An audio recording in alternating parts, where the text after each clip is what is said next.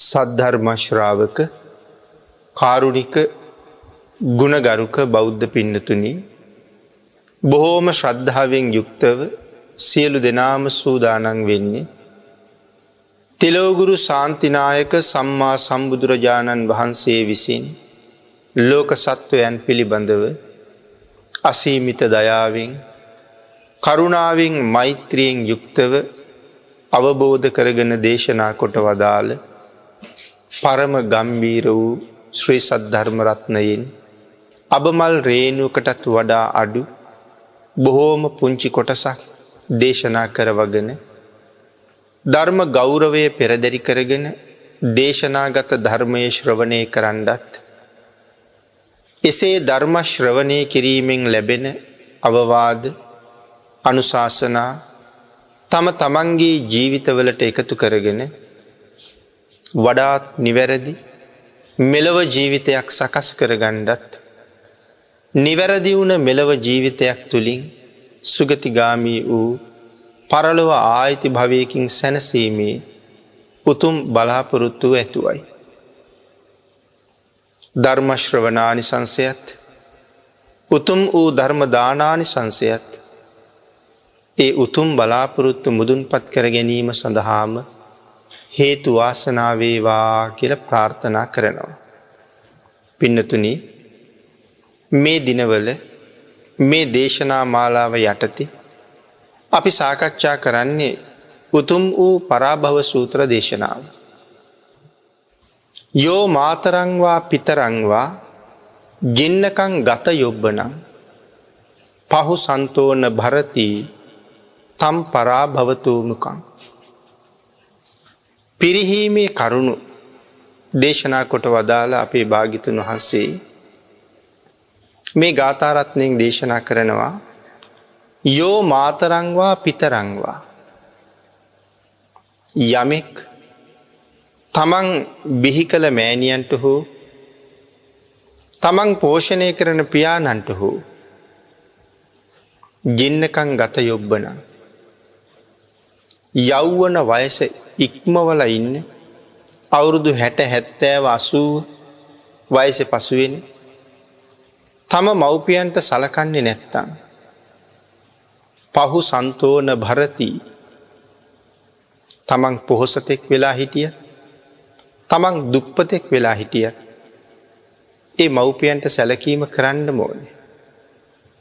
මව්පියන් පොහොසත්ව හිටියත් දුප්පත්ව හිටියත් දරුවෙකුගේ වගකීමක් යුතුකමක් මව්පියන් පෝෂණය කරන එක.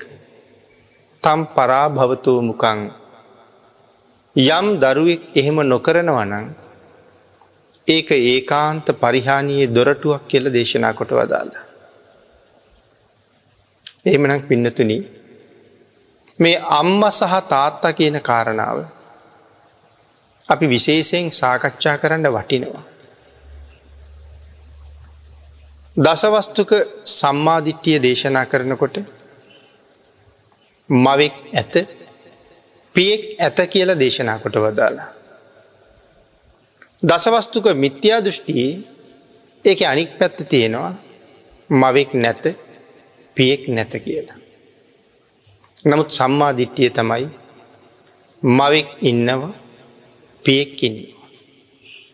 අම්ම කියල කියන්නේ මේ ලෝකේ විශේෂ කෙනෙක්. තාත්ත කියල කියන්නේ විශේෂ කෙනෙක්. අම්මයි තාත්තයි මේ ලෝකේ කොයි තරං විශේෂද කියන කාරණාව මේ බුදු දහම තුළින් මැනවින් ලෝකයට පැහැදිලි කරලත් තියෙනවා. මේ මව්පියන් පෝෂණය කිරීම දරුවන්ගේ පරම යුතුකමක් වගකීමක් වෙන බව බුදුරජාණන් වහන්සේ බොහෝ සූත්‍රවල දේශනා කොට වදාලා. මෙතන මේ පරාභව සූත්‍ර දේශනාවත් ඒ බව පැහැදිලි කරලා තියෙනවා.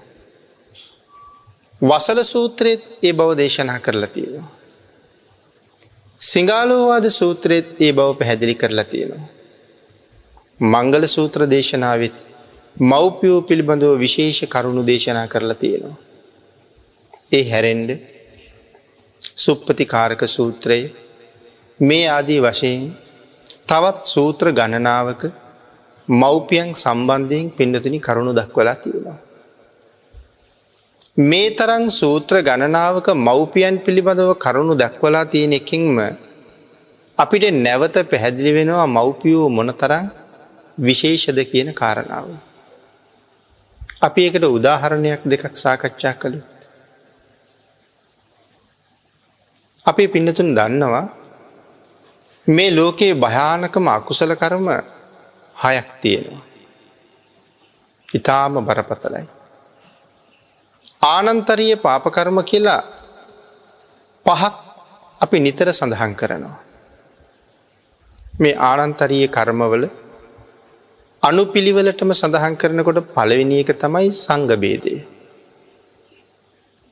දෙවනි කාරණාව තමයි බුදුරජාණන් වහන්සේගේ ශරීර ධාතුවේ ලේ සෙලවීම ලෝහිතු පාදක කර්මය. තුන්වෙනි කරුමය තමයි මහරහතන් වහන්සේ නම ගාතනය කිරීම. හතරවෙනි කාරණාව තමයි තමන්ගේ මව මැරීම අවසාන කාරණාව තම පියාමරණයට පත් කිරීම. එතකොට වින්නතුනේ අපි සඳහන් කලා කරුණු හයක් තියෙනවා කියලා අපි එකත් සඳහන් කරගෙනම ඉදිරියට යමු අනික්කාරණාව තමයි මිත්‍යා දෘෂ්ටිය. මේ මිත්‍යා දෘෂ්ටි වැළඳ ගැනීමත් අතිශයින්ම භයානක කාරණාවක්. දරුණු මිත්‍යා දෘෂ්ටිකයා ඒ කාන්තයෙන් අවීචයේ උපදිනවා. මව්පියන් ගහතනය කරපු පුද්ගලයත් එහෙම නැත්තං ආනන්තරීය පාපකර්ම කරගත්ත පුද්ගලයත් අන්තර් කල්පයක් අවසානි සමහර වෙලාවට නිරයෙන් නිදහස් වෙනවා. මහා කල්පයක් විනාසය ආරම්භ වෙලා තියෙන වෙලාවි මේ අපායෝලුත් විනාස වෙනවන පින්නතුන. මහා කල්ප විනාසේදී නිරේවල් පවා විනාස වෙනවා. ඉතින් නිරයවල් වල දුක්පිඳින බොහෝ දෙනා ඊට කලින් මනුලව ඉපදිලා ගුණපුරල සුගති ගාමී වෙනවා. එම නැත්තං නිරයෙන් නිදහස් වෙනවා. නමුත් සඳහන් කරනවා මේ මිත්‍යා දෘෂ්ටිකයා. විනාස වෙන්නේ නැති වෙනත් සක්වලක තියෙන අවීචයකට කර්මය විසින් මාරු කරනවා කියලා. එ තරම්ම භයානකයි. නමුත් මේ කාරණාව අපි පැහැදිලි කළේ මව්පියෝ ගැන සඳහන් කරන්න නිසා.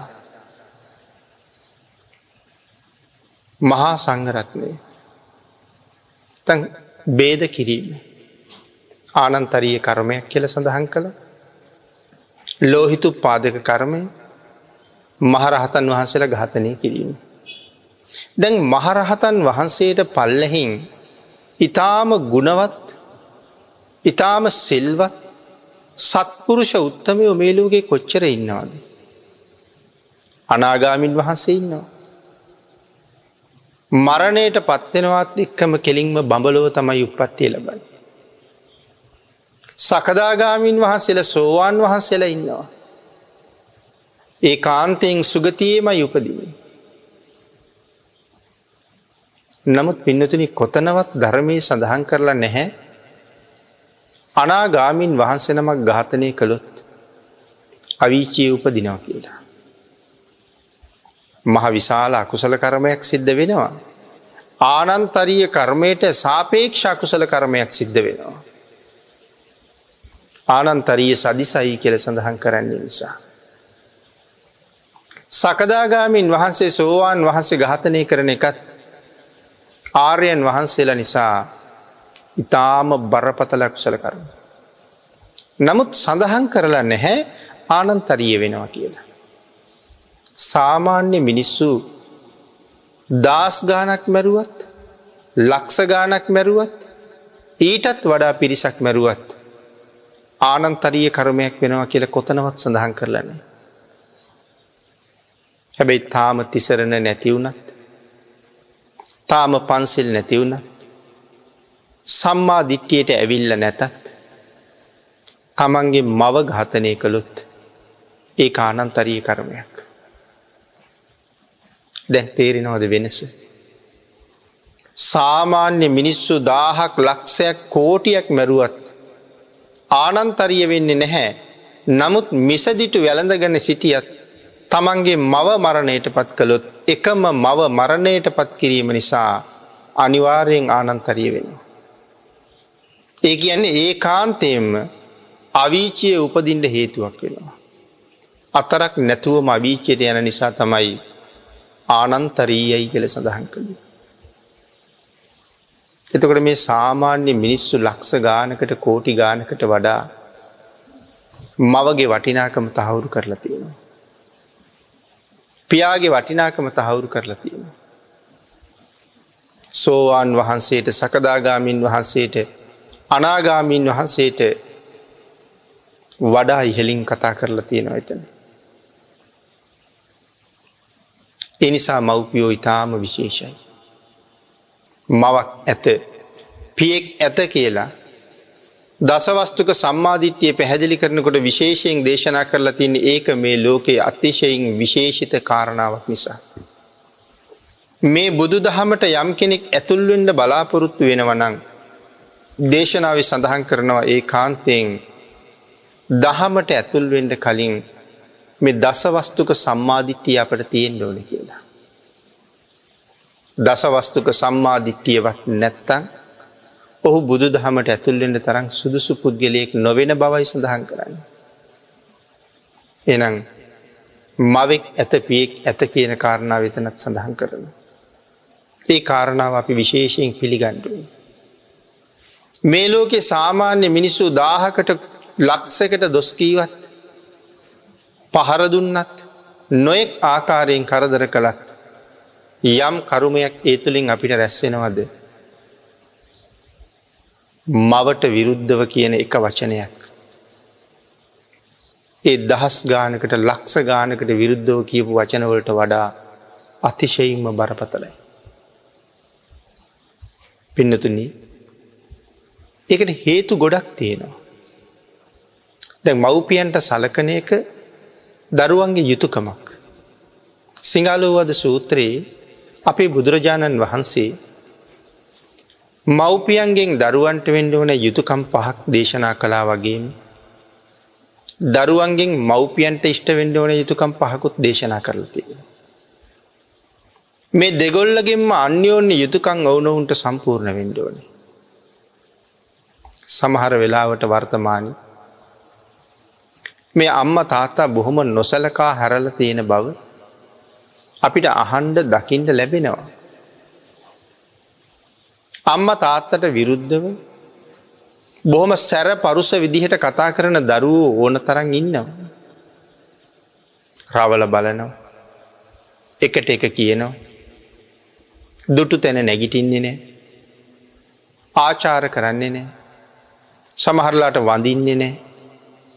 පෙරගමන් එන්නේ නෑ. පසු ගමන් කරන්නේ නෑ. මේ යුතුකම් මොකොවත් බෞද්ධ සමාජයකවත් දන්නේ නෑ ඇද. නමුත් ධර්මය මේ දේවල් ලොක්කොම සඳහන් කරලා තියෙනවා. මව්පියන්ට උදේ හවස වඳින්ට වටිනවා. ඒ වඳිනකොට නිකම්ම නෙමෙයි දෙපතුල මත නලල තියල දනගහල වඳින්ට වටිනවා සමාව ඉල්ල ඉල්ල. යම් වරදක් සිද්ධ වෙලා නං මව්පියන්ට තමන්ගෙන් උන වරදට අනිවාරයෙන් සමාව ගණ්ඩම වෙනවා. ඒම නැත්තන් එක කරුමයක් හැටියට විපාක දෙනවා. මව්පියන් යම් තැනක හිටගෙන ඉන්නවන උස් ආසනවල ඉඳගෙන ඉන්න එක දරුවන්ට සුදුසුනේ. මව්පියන් දුර බැහැර ගමන් ගිහිල්ල එනකොට පෙර ගමන් ගිහිල්ල පිළිගණ්ඩ වටිනවා. මව්පියන්ගේ අති ගෙදරට අරංගෙන බර බඩු බාහිරාදිය තියෙනවන ඒව තමන් භාරගණ්ඩ වටිනවා. උදේට හවසට වැඳල සිදුවනානං යම් වරද සමාවෙන්ඩ කියල සමාව ඉල්ලන්ට වටිනවා. හැම මොහොත්තකම හැම දවසකම මව්පියන්ගේ හිත් සතුටු කරන්න වටිනවා. මව්පියන්ගේ හිතට දුකක් කරදරයක් වේදනාව කම්කටුල්ලක් උපද්දවනව නං එක වෙනම බුක්තිවිඳිය යුතු අකුසල කර්ම රැස්කර ගැනීමක් බවට පත්වෙනවා. මේ කරුණු හැම එකක්ම ධර්මයේ සඳහන් කරලා තියන. ඒ නිසා සැක කටයුතු නැහැපෙන්න්නතුන. මවෙක් පියෙක් කියලා විශේෂ දෙන්නෙක් මේ ලෝකෙ ඉන්නවා කියල සඳහන් කරලා තියෙන ඒ නිසා. නමුතු වර්තමානය මේ කරුණු කාරණා නොදන්න නිසා හුඟක් අය බොහෝසේ අකුසල් රැස් කරගන්න. නිමක් නැති අකුසල් ඒ ඔස්සේ රැස් කරනවා. තමන්ට යමක් කරගණ්ඩ පුළුවන් කාලි තමන්ගේ මව්පියන්ට භාර කරනවනං තමන්ගේ වැඩ ටිකත්. එක කොයි තරං භයානක අකුසල කරමයක් වෙයිද. සසර දාස භාවයට බොහෝ වෙලාවට හේතුවෙන්ට පුළුවන්. අපේ ධර්මය සඳහන් කරනවා මහ රහතන් වහන්සේ නමකගෙන් වැඩක් ගත්ත නිසා. ඉතන් රහත් මෙහෙණින් වහන්සේ නමකගෙන් වැඩක් ගත්ත නිසා කුජ්ජුත්තරාව දාසියක් විච්ච හැටි. කුජ්ජුත්තරාව රාජකුමාරිකාවක් වෙලා සංසාරීපදිලා හිටපු භවයක. එක බුද්ධාන්තරයක රහත් මෙහෙණින් වහන්සේ නමක් මේ කුජ්ජුත්තරා තරුණ උපාසිකාවත් එක බොහෝම ළඟින් ආශ්‍රය කළා.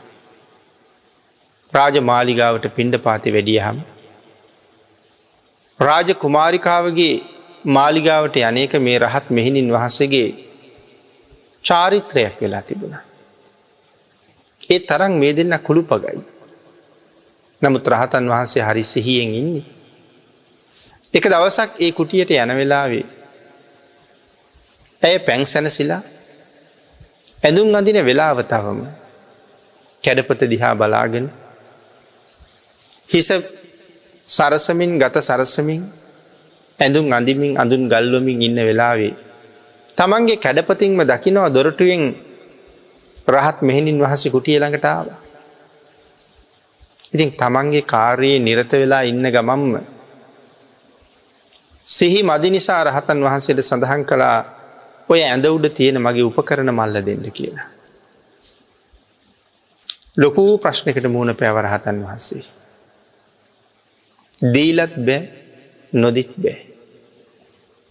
මේක නුදුන්නොත් ඇයට කේන් තියෙනවා.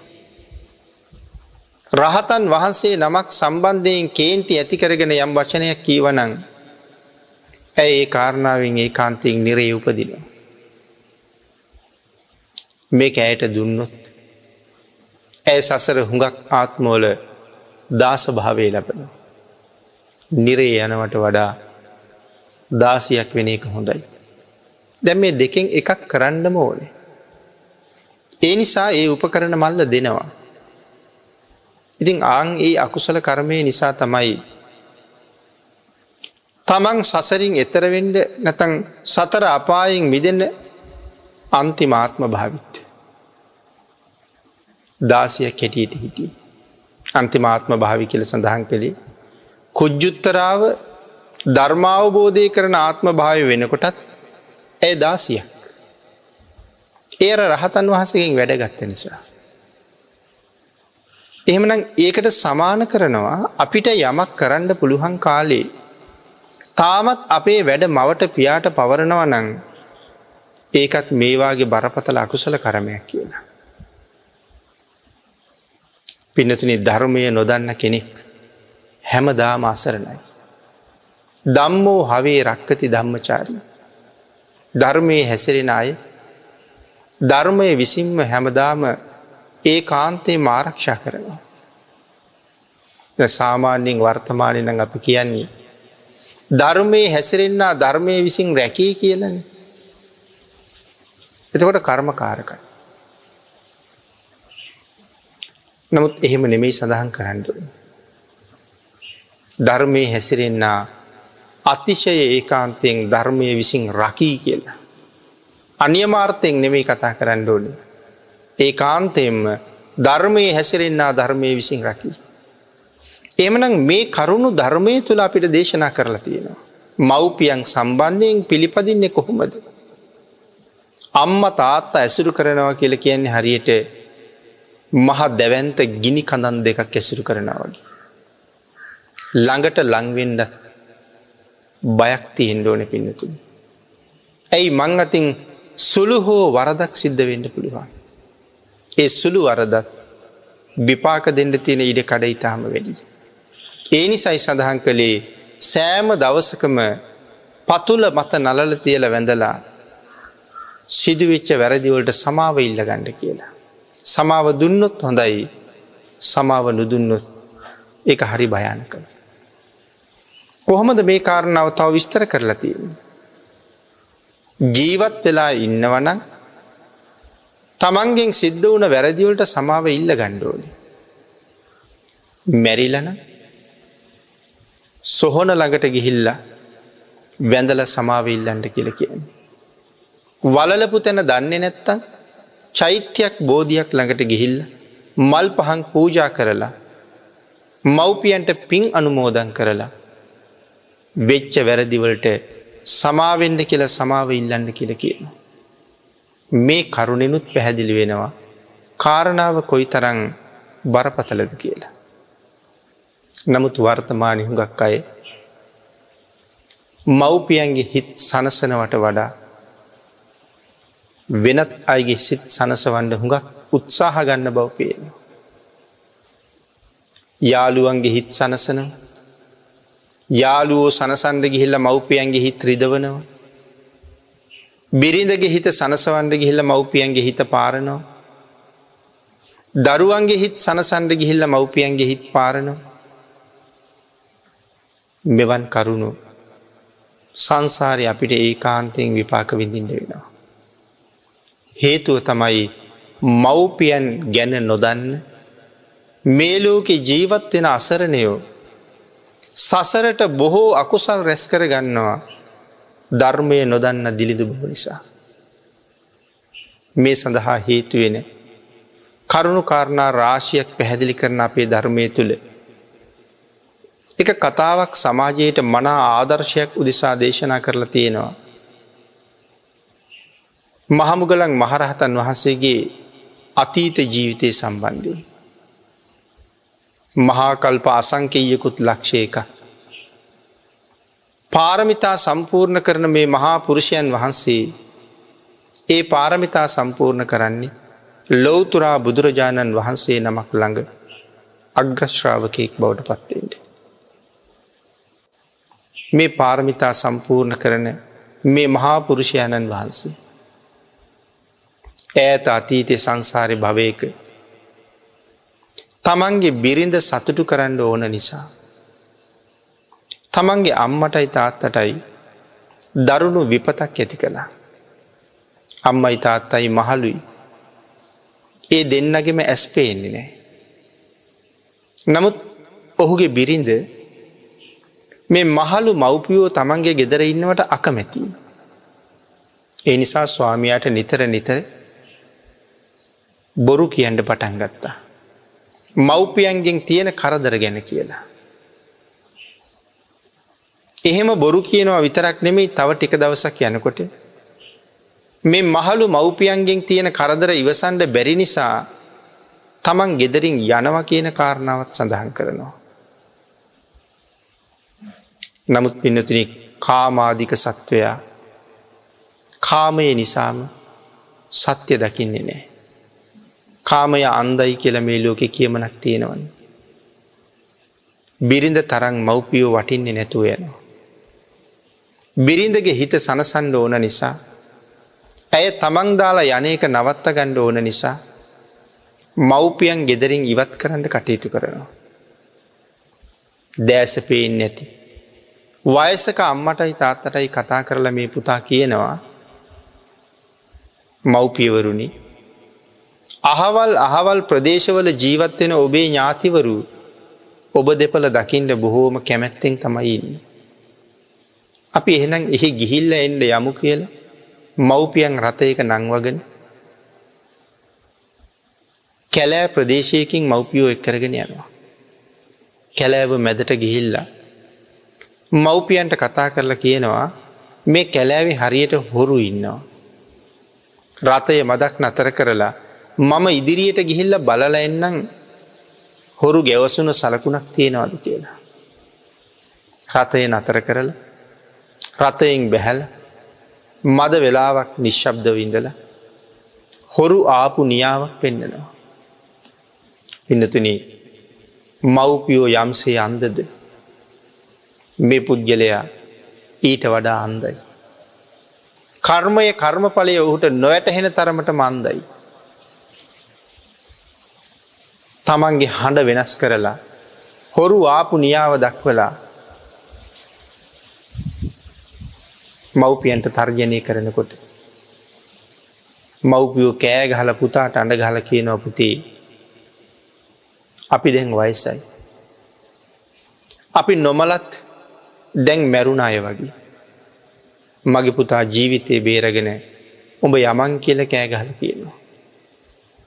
මාතෘ සෙනෙහස පීතෘ සෙනෙහස මේ වෙලාවෙවත් මේ පව්කාරපුතාට දැනුන්නේ නෑ. හොරු ආපු විදිහටම හොරු කතා කරන විදිහටම කතා කර කර. තමන්ටත් පහර දෙනවා වගේ කෑකෝ ගහගහත් තමන්ම පොල්ලක් කඩාගෙන අම්මටයි තාත්තටයි මැරෙනකම්ම පහර දෙනවා. කැලෑවට ඇදල දාලා ඔහු පස්සේ අන්ඩ යනවා. ඒ කාරණාවෙන් ඔහුගේ බිරිඳ සතුටු වෙනවා. බිරිඳ සතුටුවීම ගැන ඔහුත් සතුටු වෙනවා. නමුත් පස්සේ කාලි කොහෙන්වත් මුණ ගැහුණ කාන්තාවක් සතුටු කරන්න ගිහිල්ල. තමන් කරගත්ත අකුසල කර්මය කොපමණද කියන කාරණාව ඔහුට නොවැට හෙන්ඩ ඇති.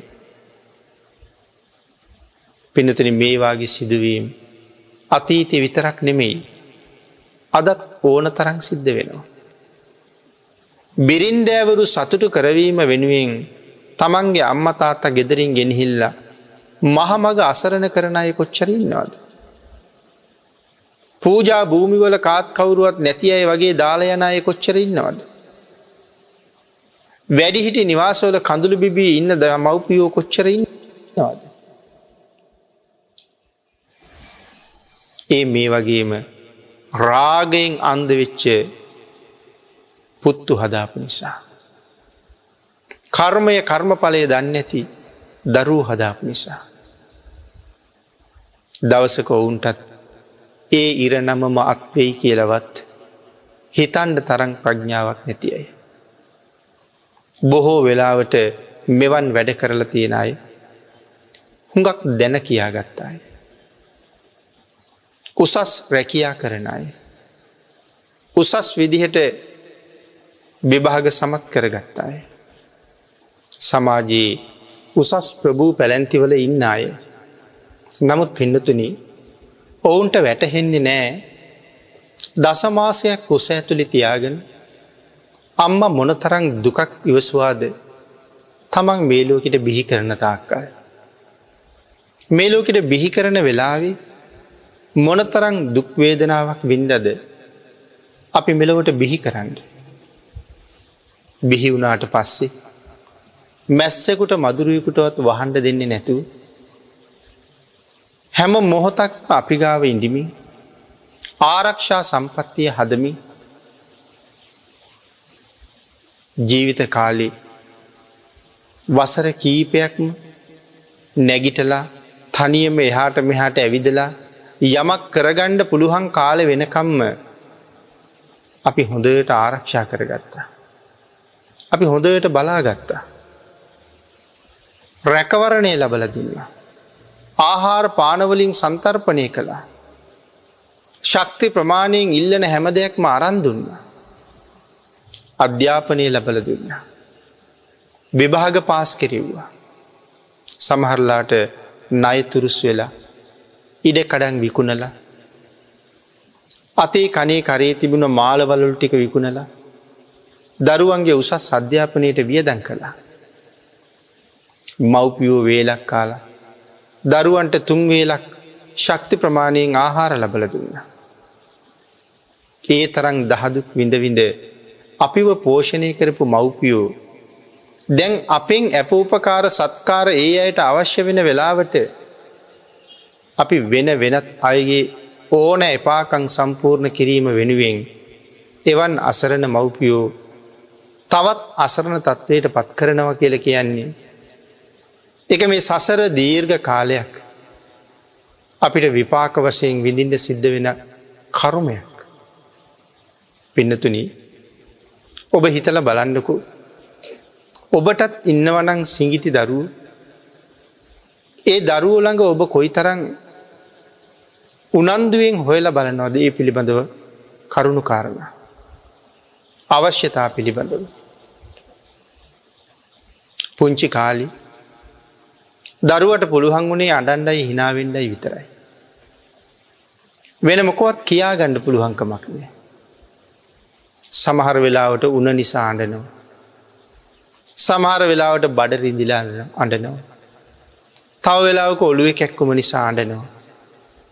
මේ විවිධ විවිධ අවස්ථාවන් වල විවිධ විවිධ රෝගා බාධ තියෙනවා. සමහරලාට කූබියෙක් කනවා. තව වෙලාවක මදුරුවෙක් විදින්ට පුළුවන්. නමුත් කියා ගණ්ඩ බෑ. අඩන්ඩ විතරයි පුළුවන්. අසනීප වෙලා අඩනකොට. දන්න දන්න විදිහට හැම ප්‍රතිකර්මයක්ම කරනවා. ඒකකින්වත් සුවයක් ලැබෙන් නැතිකොට ළඟට වෙලා ඉඳගෙන අම්මත් අඩනවා.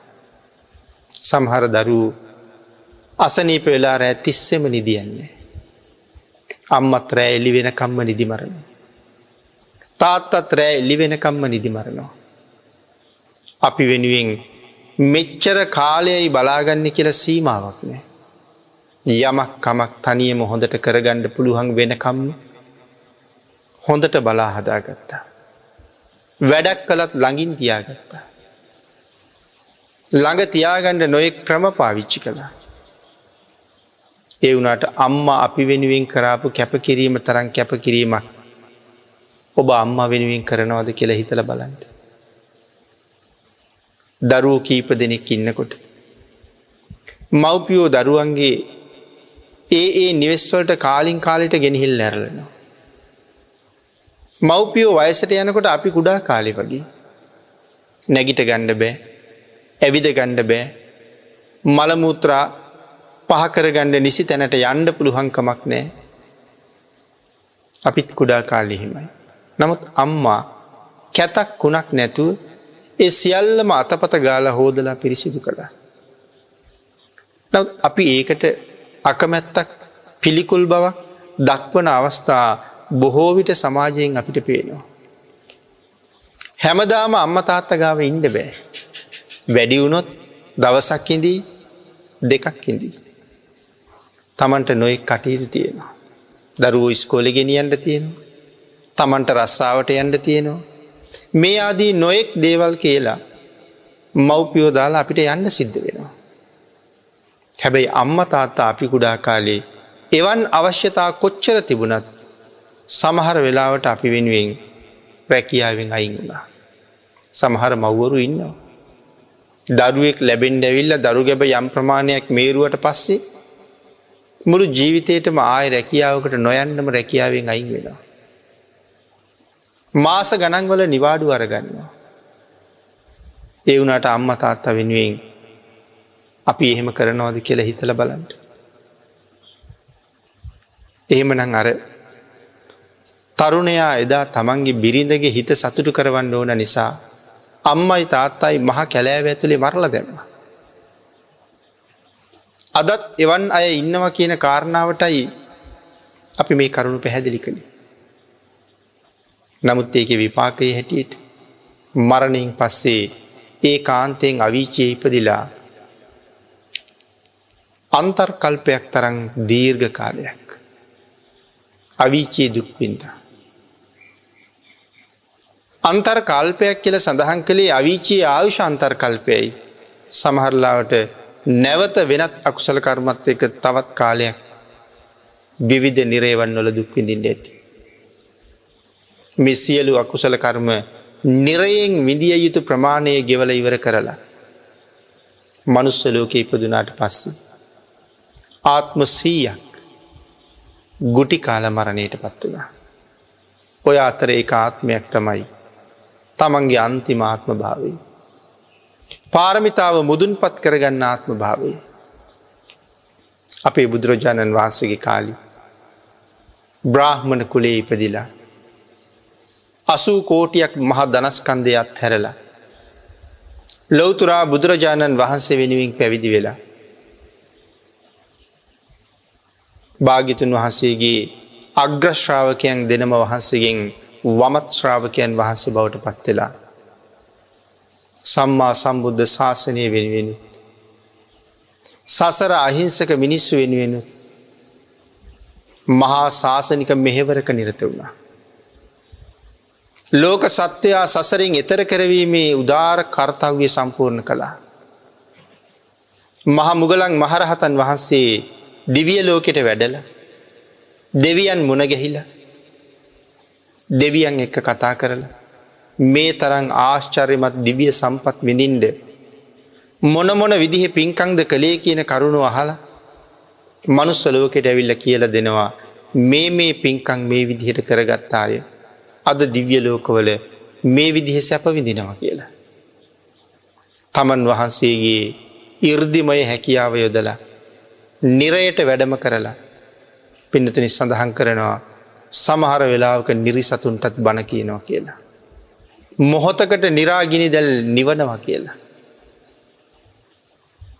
ඒ නිරිසතුන් විඳින දුක බලල ඇවිල්ලා මනුස්ස ලෝක අයට නිරයේ තියෙන දුක කියල දෙනවා.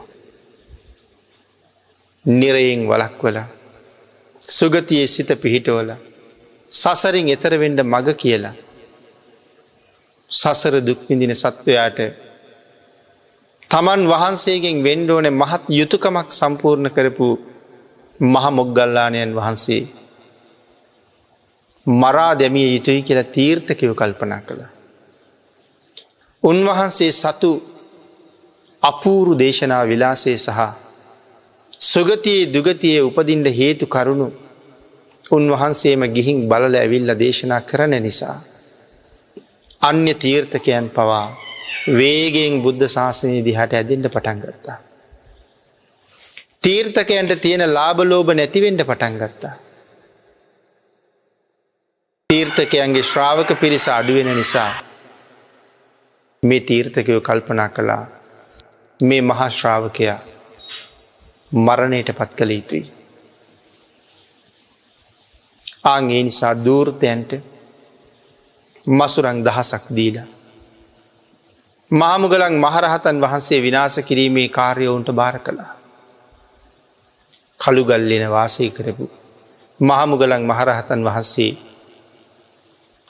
මරණයට පත් කරන්න හිතාගෙන මේ පව්කාර පිරිස ගල්ලෙන ළඟට එනකොට උන්වහසේ ඉරදියම ගල්ලෙනින් අයින් වෙලා ගියා. දෙවනි වතාවත් ඒ සිද්ධිය ඒ විදිහටම සිද්ධ වුණා. තුන්වෙනි වතාවත් පිරිස ගල්ලෙන වට කළා. මාරහතන් වහන්සේ මේකට හේතුව බැලුවා. සංසාරික කරුමය තමන්ට විපාක දෙෙන්ට සූදානන් වෙන බව දැනගත්තා. එදා උන්වහන්සේ ගල්ලෙනින් වැඩිය නෑ. පින්නතුන හොරු කණ්ඩායම ඇවිල්ල. මහමුගලන් මහරහතන් වහන්සේට කොයි තරන් පහර දුන්නද. සඳහන් කරනවා ශරීර ගත ඇටකෝටු.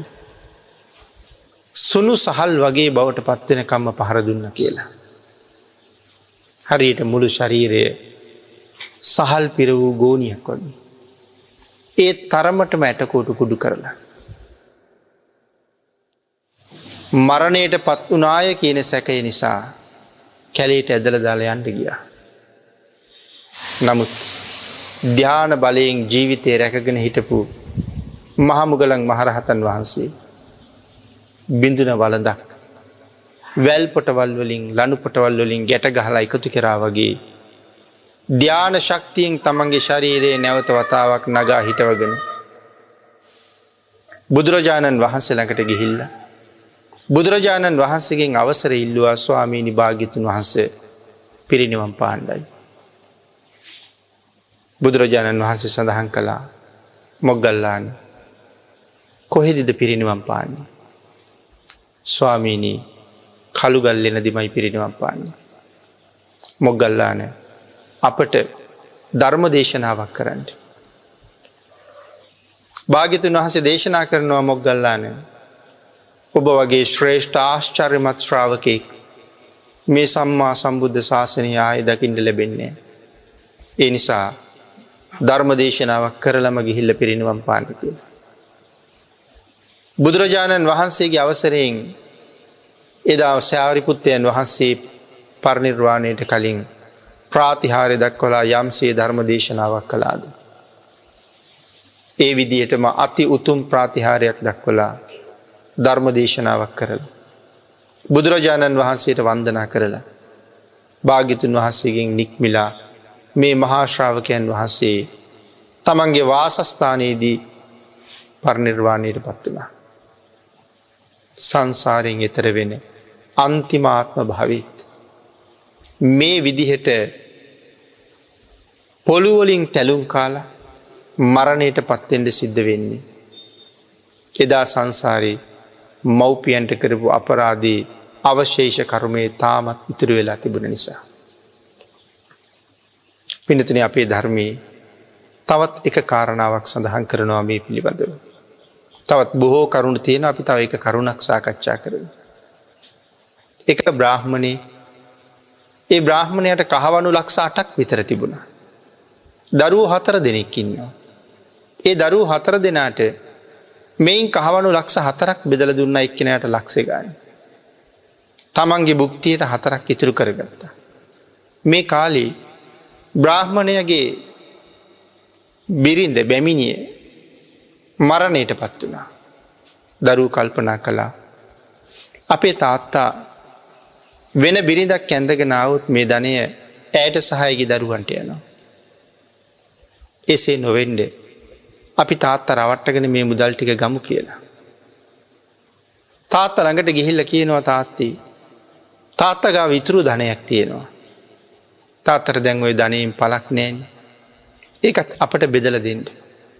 තාත්ත ජීවත් වෙන තාක්කල් අපි තාත්ත බලාගන්නන් කියලා. දරුවන්ගේ වචන විශ්වාස කළා. අඳින්ට රෙදිකඩ මලු ටිකක් ඉතුරු කරගෙන සියලු ධනය දරුවන්ට බෙදවා. පිනතුනි ටික දවසක් ගිය. මුලින්ම නතරුණේ වැඩිමල් පුතාගේ ගෙදර. දවස් කීපයක් ගිහිල්ල නාගෙන ගෙදරෙන ගමන් පුතා පේන්ඩ නෑ නමුත් ලොකු ලේලිය දොරකට ඉඳල තාත්තට කියනවා. වැඩිමල් පුතාට කියලා වැඩියෙන් දෙයක් දුන්නේ නෑන. ඇයි ඔය එන අතරමඟ අනික් දරුවන්ගේ ගෙවල්ලෝට යන පාර අමතකද කිය ලැහුවා. එදා කල්පනා කළා පල නොකිය පලා බෙදෙන වැඩක් මේ කළි. මේ විදිහට අනික් අනික් දරුවන්ගේ ගෙවල්වලටත් ගිහිල්ල දින කීපේ කීපේ ගත වෙනකොට මේ කතාවම තම යහන්ඩ ලැබූ. හරියට නිකං ගිනි දල්වා ගත්තට පස්සේ ගිනි පෙනෙල්ල අහක දානවා වගේ තමන්ගේ ධනය අරගත්තට පස්සේ තාත්තගෙන් වැඩක් නැති නිසා ඔවුන් හැමෝම උත්සාහ කරන තාත්ත පන්න ලදාන්ට. මේ පිරිස තාත්ත පන්නලා දැම්මට පස්සේ ඔහුට යන්ඩ එන්න තැනක් නෑ. ඇවිදලා හොයා සපයගෙන අනුභව කරන්න තරම් කායික ශක්තියක් නෑ. නොකා නොබී එක තැනක වැටිලා කල්පනා කලා කොහොමද මම ජීවත්වෙන්නේ කියලා. ඔහුට මතක් වුණා ශ්‍රමණ බවත් ගෞතමයන් වහසගාවට යන්ඩෝන. බුදුරජාණන් වහන්සේ ළඟට ගියත් කෙලින් හිටගෙන ඉන්ඩ බැරි නිසා එතන වැටිල ඉඳ ගත්තා. බුදුරජාණන් වහන්සේ කරුණු කාරණා අහනකොට සියලු විස්තර ඔහු ප්‍රකාශ කළා. ඔහු කියනව ස්වාමීනී බල්ලන් ලවා ඌරම් පන්නන්නාසේ මගේ දරුවටික හැංගිලා බිරින් දෑවරු ලව්වා මට චෝදනා කිරව්වා. මාව ගෙදරින් එලියට ඇදල දැම්මවා කියලා. භාගිතුන් වහන්සේ බ්‍රාහ්මණයට ගාථා හතරකි ගැන්වා. පිරිස රැස් වෙලා දරුවොත් එතෙන්ට ඇවිල්ල ඉන්න වෙලාවක පිරිස මැද මේ ගාථා හතර කියන්න කියලා. ඒ ගාථා හතරත් ඉගෙනගෙන තමන්ගේ ප්‍රදේශයේ උත්සවයක් තියෙන් තැනක විවිධ ආභරණවලින් සැරසිලා තමන්ගේ දරුවොත් එතෙන්ට ඇවිල්ල ඉන්න වෙලාවක හැරමිටියත් අනගෙන ඒ සභාවට ගිහිල්ලා. මිත්‍රවරුණී කියල කතා කරලා තමන්ගේ අත ඉහලට ඔසෝලා මටත් ගාථා කීපයක් කියන්ට ඉඩ දෙන්න පුළුහන්ද කෙලෙහවා. ඒ අවසරයෙන් භාග්‍යතුන් වහස උගන්නපු ගාථා හතර ඔහු සද්ගායන කළා. අර රැස්වෙලා හිටපු පිරිස තීරණය කළා තමන්ට හැකියාව තියාගෙන අසරණ වෙච්ච මව්පියන්ට නොසලකන යම් දරුවෙක් යම් තැනක ඉන්නවාද ඔවු මරලදාමු කියලා පනතක් සම්මත කරගත්තා. අර දරුව බීතියට පත්වෙලා තාත්තළඟට ඇවිල්ල. තාත්තර දනගහල වැඳල කියනවනේ තාත්තේ අපි බේරගණ්ඩ තාත්තේ අපි බේරගණ්ඩ කියලා. නැවත මේ තාත්තා දරුවන් පිළිබඳව මොලොක් වුණ හදවතක් තියෙන නිසා. අර පිරිසට කියනවා මගේ දරුවන්ට කරදර කරන්න එපා. මම ඒක නිකං කියපු කතාවක් කියලා. දරුව එදා ඉඳලා තාත්තට සැලකුවා. නමුත් හැබෑ පීතෘ ගෞරවයෙන් නෙමෙයි පින්නතින් තමන්ටා වැඩැක් වෙන නිසා. සමාජයෙන් අවමං වෙන නිසා. තමන් ජීවිතක්ෂයට පත්වයි කියලා හිතල මිසක් පීතෘ ගුණේ ගැන හිතල නෙමේ. අදත් ඕන තරන් දරුව ඉඩ කඩන් දේපොල බෙදල දෙන්ඩ ගියහම තමන්ට අඩුවනා අහවලාට වැඩි වුණා මේ ආදී නොයෙක් කරුණු කිය කියා තමන්ට දුන්නේ නෑ කියලා මව්පියෝ එක ජීවිත කාලෙ වෛර බඳ. අමනාප වෙනවා. නඩු කියනවා ධර්මය ඉගැන්වේ ජීවිතයේ දීල තියෙනවා ඒ හොඳට මැති. අතපාය නොකඩ හදල තියෙනවා ඒ හොඳට මැති. තමන්ගේ මුළු ජීවිත කාලෙම. අම්මයි තාත්තයි දෙවුර මත තියාගෙන සියක් අවුරුද්දක් මව්පියන්ට සල කලා බිම තිබ්බත්. ධර්මය සඳහන් කළේ ඒ අයි මව්පියන්ට සැලකුවා මදි කියලා. දින්නා හම්භික්කවේ නසුප්පතිකාරකං වදාන්න. කත මේ සංදින්නන් මාතූච පිතූච. මහනෙන මේ ලෝකෙ දෙන්නෙක්කින්නවා. කවදාවත් සල කලා ඉවර කරන්න බැරි. කවුදේ අම්ම සහ තාත්තා. මේ ආදි වශයෙන් මව්පියෝ ගැන භාගිතුන් වහස දේශනා කරපු කරුණු පින්නතිනේ තවත් බොහෝසේ අන්තර්ගතයි. ඒ නිසා විශේෂ කාරණාවක් යමි වයෝර්ධ තත්ත්වයට පත්වෙච්ච තමන්ගේ මව්පියන්ට නොසලකා හරිනවනං ඒක ඒකාන්ත පරිහානිමුකයක්. මෙලවත් පිරිහෙනවා පරලොවත් පරිහානියට පත්වෙනවා. ධර්ම දේශනාවට තියෙන කාලයේ නිමා වෙලා නිසා අපි ධර්ම දේශනාව නිමා කරමු. මව්පියන්ගේ මෙවන් මහා ගුණ කදම්බයන් මනාව තේරුම් අරගෙන තමන්ගේ අසරණ මව්පියන් හැමදාම ආරක්ෂා කරන්න ඕන. තමන්ගේ මව්පියන් හැමදාම පෝෂණය කරන්න ඕන. ඒ අයට රැකවරණය දෙන්න ඕන. ඒ තුළින් මහා කුසලයක් ලබාගෙන මේ සංසාරෙන් එතරයන්ට කටයුතු කරන්න. ඔබ සියලු දෙනාටම ශක්තිය ධෛරිය භාග්‍ය වාසනාව උදාවේවා කියලා ආශිරවාද කරනවා.